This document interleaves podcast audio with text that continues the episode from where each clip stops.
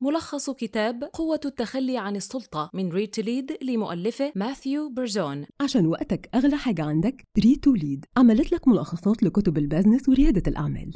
ملخصات مقروءة ومسموعة داخل تطبيقها الجديد. عشان تقدر تقرأ أو تسمع أي ملخص في أي وقت وفي أي مكان.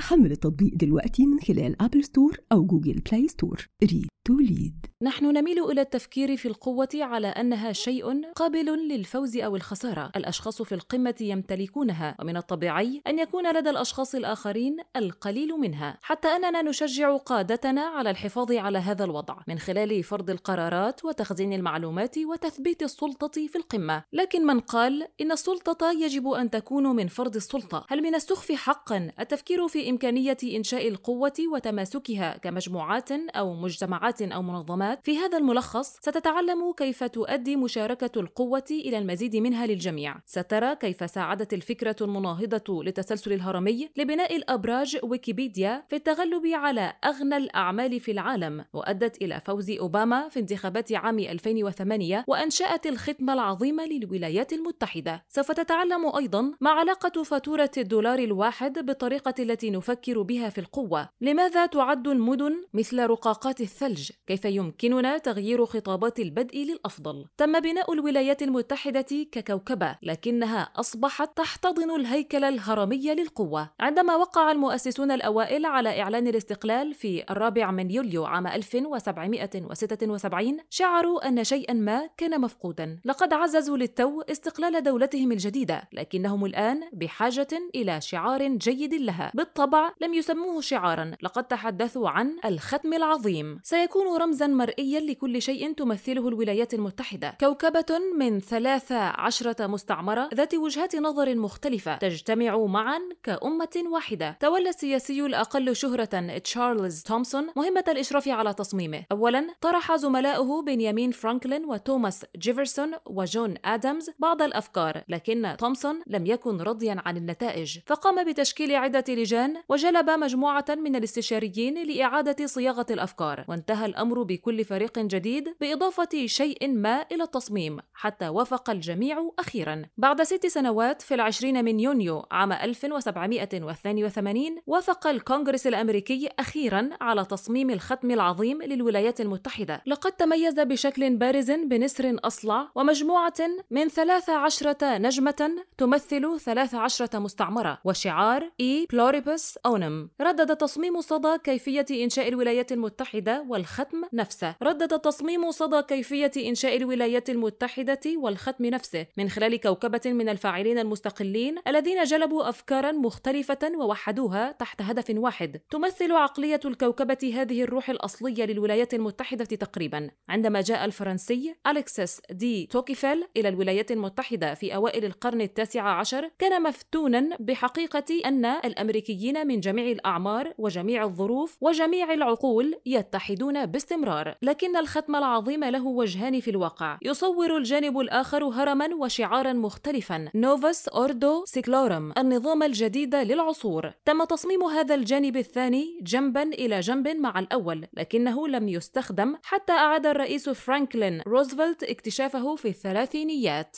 بالنسبة إلى روزفلت فإن الهرم يمثل أمريكا الجديدة. إنه يمثل الاستقرار والسلطة وتوطيد السلطة حتى لو كان نوعا هرميا من السلطة. أراد فرانكلين روزفلت أن يضع الهرم على الورقة النقدية الجديدة ذات الدولار الواحد بجوار رمز الكوكبة مباشرة. وكان لديه ملاحظة لفريق التصميم وهي وضع الهرم أولا. كان هذا بمثابة تغيير كبير في العقلية الأمريكية. وفي الفقرة التالية سنرى ما يدور حوله هذا الأمر. نحن بحاجة إلى إلى أخذ الطفرة من الهيكل الهرمي مرة أخرى إلى عقلية الكوكبة. ما الفرق بين الهرم والكوكبة؟ في الهرم تتماسك القوة في القمة، حيث يتم ترتيب الأشخاص بشكل هرمي وفقا لوظائفهم، ومن المتوقع أن يؤدوا هذه الوظيفة فقط. يتخذ القادة في القمة جميع القرارات المهمة، ويعملون للخلف من وجهة ثابتة، وهذا يزيل بعض عدم اليقين المزعج الذي يأتي مع إدارة شركة أو مؤسسة، حيث يعلم الجميع ما يجب عليه عليهم فعله في جميع الأوقات لكنه أيضا لا يترك مجالا للمرونة أو الأفكار الجديدة أو التآزر العفوي. لقد اعتنق المجتمع اليوم تماما العقلية الهرمية. إنها الطريقة التي نحاول بها حماية أنفسنا من عدم اليقين من خلال التمسك بالتسلسلات الهرمية المتعثرة. لقد أقنعنا أنفسنا بأن القيادة تعني فردا قويا في تنفيذ القرارات. تكافئ الشركات بشكل حصري الإنجازات الفردية وليس القوة الجماعية. بينما تسود عقلية الهرم في حياتنا يتوق الكثير منا إلى طريقة مختلفة للقيام بالأشياء. إنها طريقة تسمح بمزيد من المجتمع المجتمع والإبداع. لكننا فعلنا الأشياء بشكل مختلف. في الكوكبة يتم توزيع الطاقة من خلال شبكة دائمة التطور. يعمل الناس بشكل مستقل ولكن نحو هدف مشترك. وهو الهدف الذي يساعدون في تشكيله. لا يزال هناك متسع للقادة لكنهم لا يخزنون السلطة في القمة. بدلا من ذلك يتشاركونها وهذا يسمح لتلك الأبراج بتحقيق أشياء كبيرة من خلال العديد من الإجراءات الصغيرة. دعونا ننظر في إحدى الأمثلة. ويكيبيديا. لقد اعتادت الموسوعات أن تكون 24 مجلدا مثل موسوعة بريتانيكا حيث تجمع الغبار على الرفوف في جميع أنحاء العالم. ولكن بعد ذلك جاء الإنترنت واستبدلت مايكروسوفت جميعهم بموسوعة رقمية جديدة تسمى إنكارتا. ولكن حتى إنكارتا أصبحت الآن منسية منذ زمن طويل. ذلك لأن إنكارتا عملت بنفس مبدأ موسوعة بريتانيكا. كانت السلطة محصورة في القمة مع الخبراء الذين كتبوا المقالات. كانت المقالات بطيئة في التحرير وبطيئة في عكس تغييرات. في البداية أراد مؤسس ويكيبيديا جيمي ويلز القيام بأشياء مماثلة تماما لكن بعد ذلك خطرت لزميله لاري سانجر فكرة أخرى. كانت هناك تقنية جديدة تسمى ويكي. تسمح للأشخاص بكتابة النص وتحريره بشكل تعاوني. فلماذا لماذا لا نسمح لأي شخص بمشاركة معرفته وبناء مجتمع يمكن للناس فيه إثبات كتابات بعضهم البعض؟ هكذا ولدت ويكيبيديا والآن لديها أكثر من ستة ملايين مدخل في اللغة الإنجليزية وحدها. لقد كانت عقلية الكوكبة هي التي بنت أكبر منصة معرفة معروفة للإنسان. كانت ماري باركر فوليت رائدة في فكر القيادة التعاونية والتنظيم التكاملي. يعتبر بيتر دراكر الذي كان رائدا في العديد من أفكارنا الحالية حول القيادة والإدارة وتوفي في عام 2005 أحد أعظم معلمي الأعمال في كل العصور. لكن معظم الناس لا يعرفون أن لديه معلما بنفسه ماري باركر فوليت. ولدت ماري بالقرب من بوسطن عام 1868 حتى في المدرسة الثانوية كانت مفتونة بالطريقة التي يتم بها توزيع المعرفة والقوة في المجتمع. كامرأة غالبا ما وجدت نفسها في قاع هياكل السلطة هذه لكنها تمكنت من الحصول على منحة دراسية خاصة لجامعة هارفارد. وهناك تعلمت من رائد علم النفس نفسه ويليام جيمس. درست في أطروحتها العليا الطريقة التي تعمل بها القيادة في مجالس النواب وفي وقت لاحق ساعدت في ريادة مفهوم المراكز المجتمعية التي امتدت إلى أكثر من 240 مدينة في حياتها. على مدار حياتها في دراسة الهياكل التنظيمية وإنشاء مراكز مجتمعية وإلقاء الخطب على قادة الأعمال، طورت ماري نظرياتها الخاصة حول هذه الأمور وما زالوا ملهمين حتى اليوم. أولاً كانت تؤمن بقوة المجموعات الصغيرة، حيث كانت تعتقد أنه عندما يجتمع الناس بعقول متفتحة في المراكز المجتمعية على سبيل المثال يمكنهم خلق القوة بدلا من السيطرة. ثانيا وجدت أن أفضل القادة لا يعتمدون على السلطة الهرمية. لقد جعلوا الناس يشعرون وكأنهم يولدون هذه القوة معا من خلال الاستماع إلى أفكار الآخرين وتوحيدها ودمجها. في الواقع اعتقدت أن الاندماج هو النتيجة المرغوبة الوحيدة لأي اجتماع، عندما يدمج الناس أفكارهم فإنهم يصنعون شيئا جديدا معا، كما فعلت لجان تشارلز تومسون العديدة عندما صمموا الختم العظيم، في كثير من الأحيان تنتهي الاجتماعات بخضوع أحد الأطراف أو فوز صعب أو تسوية غير مرضية للطرفين، إنها استراتيجية الفوز أو الخسارة التي تمنعنا من الإبداع المشترك الحقيقي، لقد كانت نصيحة ماري هي أننا لا يجب أن ندخل إلى اجتماع جاهزين لفرض أفكارنا على الناس. بدلا من ذلك يجب أن نتوقع أن نحتاج إلى الآخرين وأن نتغير. بعد وفاة ماري بمرض السرطان في عام 1933 تم نسيان أفكارها الثورية. طالبت أزمات الكساد الكبير والحرب العالمية الثانية بأسلوب تنظيمي هرمي صارم تساءلت عنه. ولكن كما سنرى في الفقرة التالية بدأ الناس الآن في إعادة اكتشاف حكمتها. نحن بحاجة إلى بناء علاقات خاصة تعزز الاعتماد المتبادل. العادات السبع للأشخاص الأكثر كفاءة من تأليف ستيفن كوفي هو أحد أشهر كتب الأعمال في عصرنا، ونصف العادات الموصوفة فيه مخصصة لمفهوم ابتدعته ماري وهو الاعتماد المتبادل. يعني الاعتماد المتبادل التخلي عن عقلية الربح والخسارة والسعي من أجل الاتصال المتبادل والإبداع المشترك. إنه يعني العمل بشكل مستقل معا. معظم علاقات علاقاتنا المهمة مترابطة. ما لم تفكر في من يكسب علاقتك مع والدتك. وبالضبط لا يوجد سبب يدفعنا إلى التعامل مع علاقاتنا المهنية بشكل مختلف. تدعم البيانات مدى أهمية الترابط في الواقع. عندما حللت جوجل البيانات من 180 شركة لمعرفة ما الذي يجعل الفريق فعالا وجدوا أن العامل الأكثر تميزا هو الاعتماد المتبادل لكن كيف يمكننا تعزيز الاعتماد المتبادل؟ عندما ألقى تشرشل خطابه الشهير حول الستار الحديدي بعد الحرب العالمية الثانية دعا إلى رابطة جديدة ومعززة للمساعدة المتبادلة والتعاون بين الولايات المتحدة والمملكة المتحدة لقد كان يعتقد أن هذه هي الطريقة الوحيدة للرد على التهديد المتصور لثورة ستالين الشيوعية ووصف هذه السندات بأنها علاقة خاصة. لا يزال المصطلح مستخدما بين الولايات المتحدة والمملكة المتحدة اليوم في بعض الأحيان بشكل ساخر، ولكن هناك فكرة مهمة في جوهره، ما الذي يجعل العلاقة مميزة؟ في العلاقات الروتينية نتعامل مع بعضنا البعض وفقا لوظيفتنا، ضع في اعتبارك العلاقة المهنية بين الموظف ورئيسه، هناك العديد من المعاملات الروتينية في العلاقات الروتينية، وعندما يسأل الرئيس شيئا من موظفه على سبيل المثال فإنه عادة ما يمتثل، ولكن هناك أيضا معاملات معاملات خاصة. إن محاولة ملائمة هذه المعاملات الخاصة في علاقات روتينية تخلق إحباطا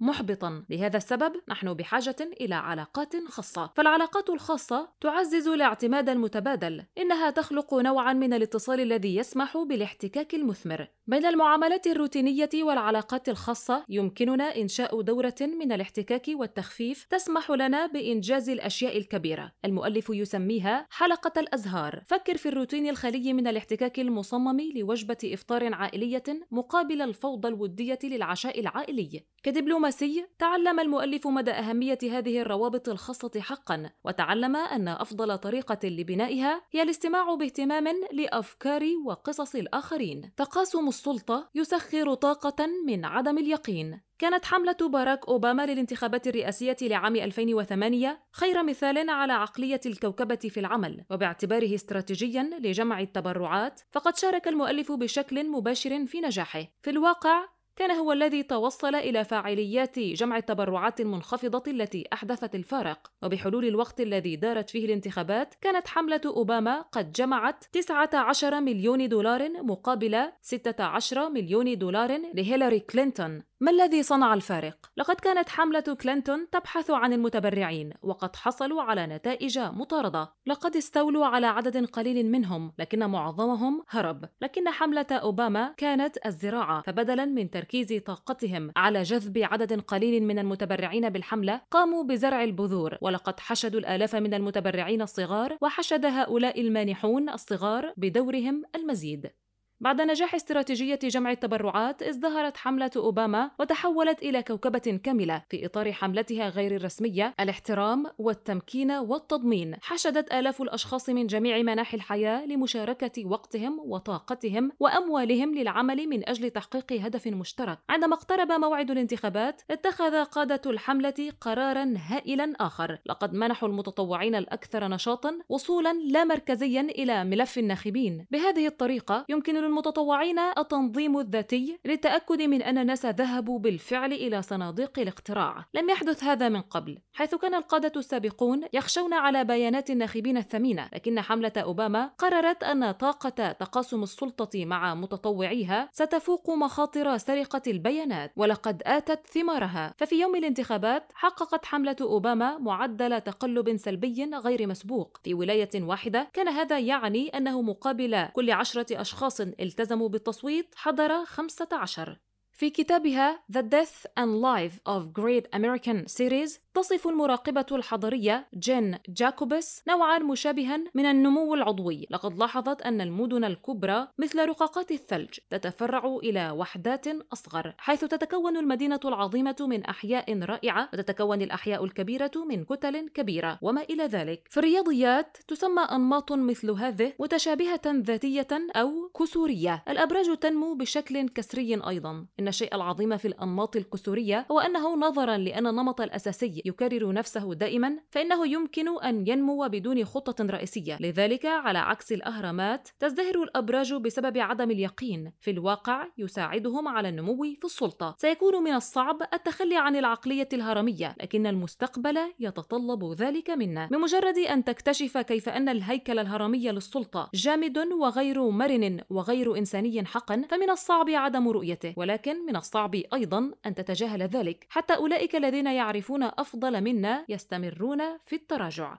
لقد اختبر المؤلف هذا بنفسه مع حملة إعادة انتخاب أوباما عام 2012 لقد هدأ إلى حد كبير الشعور ببناء شيء كبير معا والذي أدى إلى تنشيط انتخابات عام 2008 ركزت حملة إعادة انتخابه على أوباما كشخص أكثر من التركيز على الحركة المحيطة به والشعار غير الرسمي الاحترام والتمكين والشمول تم تعديله بكلمة واحدة الاحترام والتمكين والتضمين والفوز. تعتبر خطابات التخرج من الجامعات مقياسا جيدا للأشياء التي يقدرها مجتمعنا حيث قامت محطة الإذاعة الأمريكية NPR مؤخرا بمقارنة 350 منهم لتحديد الموضوعات الأكثر شيوعا من بين الخمسة الأوائل لا تستسلم تقبل الفشل واعمل بجد هل لاحظت أي شيء؟ كل هذه النصائح موجهة لشخص واحد وشخص واحد فقط لكن في العالم الحقيقي نادرا ما نعمل بمفردنا نحن نجلس على طاولات كبيرة مع أشخاص من جميع أنواع الخلفيات وعلينا علينا أن نجد طريقة للعمل معا. تزداد أهمية هذا الأمر في عالم يتزايد فيه التعقيد وتزايد عدم اليقين. يتطلب هذا العالم المرونة في تفكيرنا وفي منظماتنا.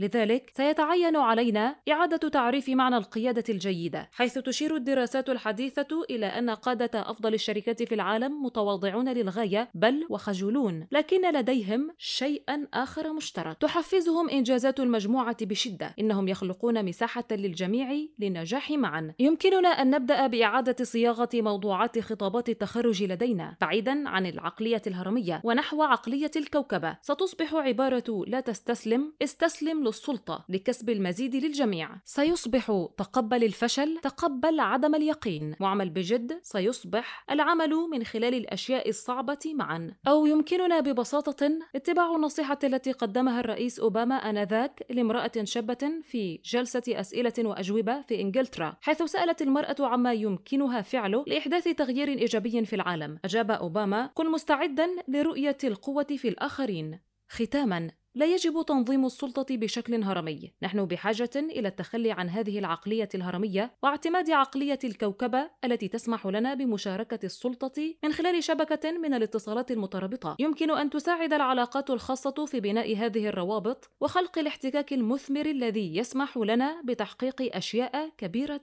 معا.